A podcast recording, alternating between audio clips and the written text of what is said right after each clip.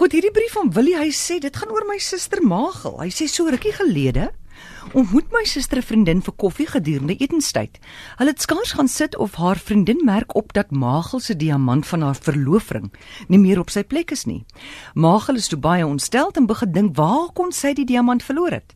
Sy is toe werk toe en loop oral rond waar sy die oggend was.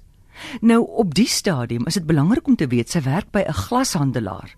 So daar lê oral glasstukkies rond en dit bemoeilik die soektog na die diamant. Op daai stadium kom daar 'n persoon aan wat 'n kwotasie kom vra vir 'n windskerm. Toevallig 'n kenner van diamante. Kom ons noem hom nou maar Frans, né? Frans vra toe vir Magel waarna soek sy. Sy sê vir hom haar ring se diamant is weg en dat sy tussen die glasstukke rondsoek na die diamant. Frans sê vir hom, "Maar kyk, dis 'n onbegonde taak." En dat sy nooit daai diamant tussen daai klomp glasstukkies gaan kry nie. Noodloos om te sê die soektog het niks opgelewer nie en Frans is daar weg. So 'n rukkie later bel Frans vir Magel en deel haar mee dat hy haar ring se diamant gekry het. Eers wou sy hom nie glo nie.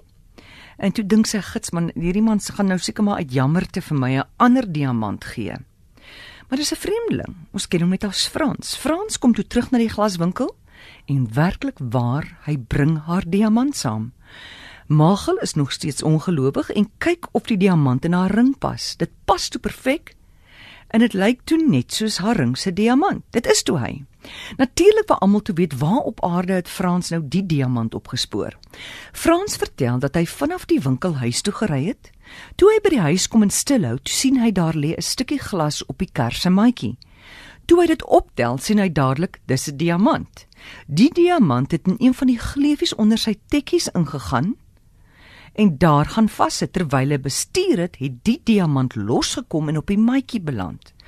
Toevallig het die een stukkie diamant tussen al die ander honderde glasstukkies onder sy tekkies loop vassit en weer op 'n veilige plek uitgeval op sy maatjie in sy kar.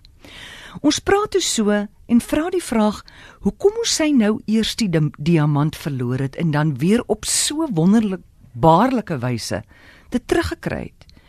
En ek wat wil Willie is, dink dis maar net God se manier om vir haar te sê sy's 'n pragtige diamant.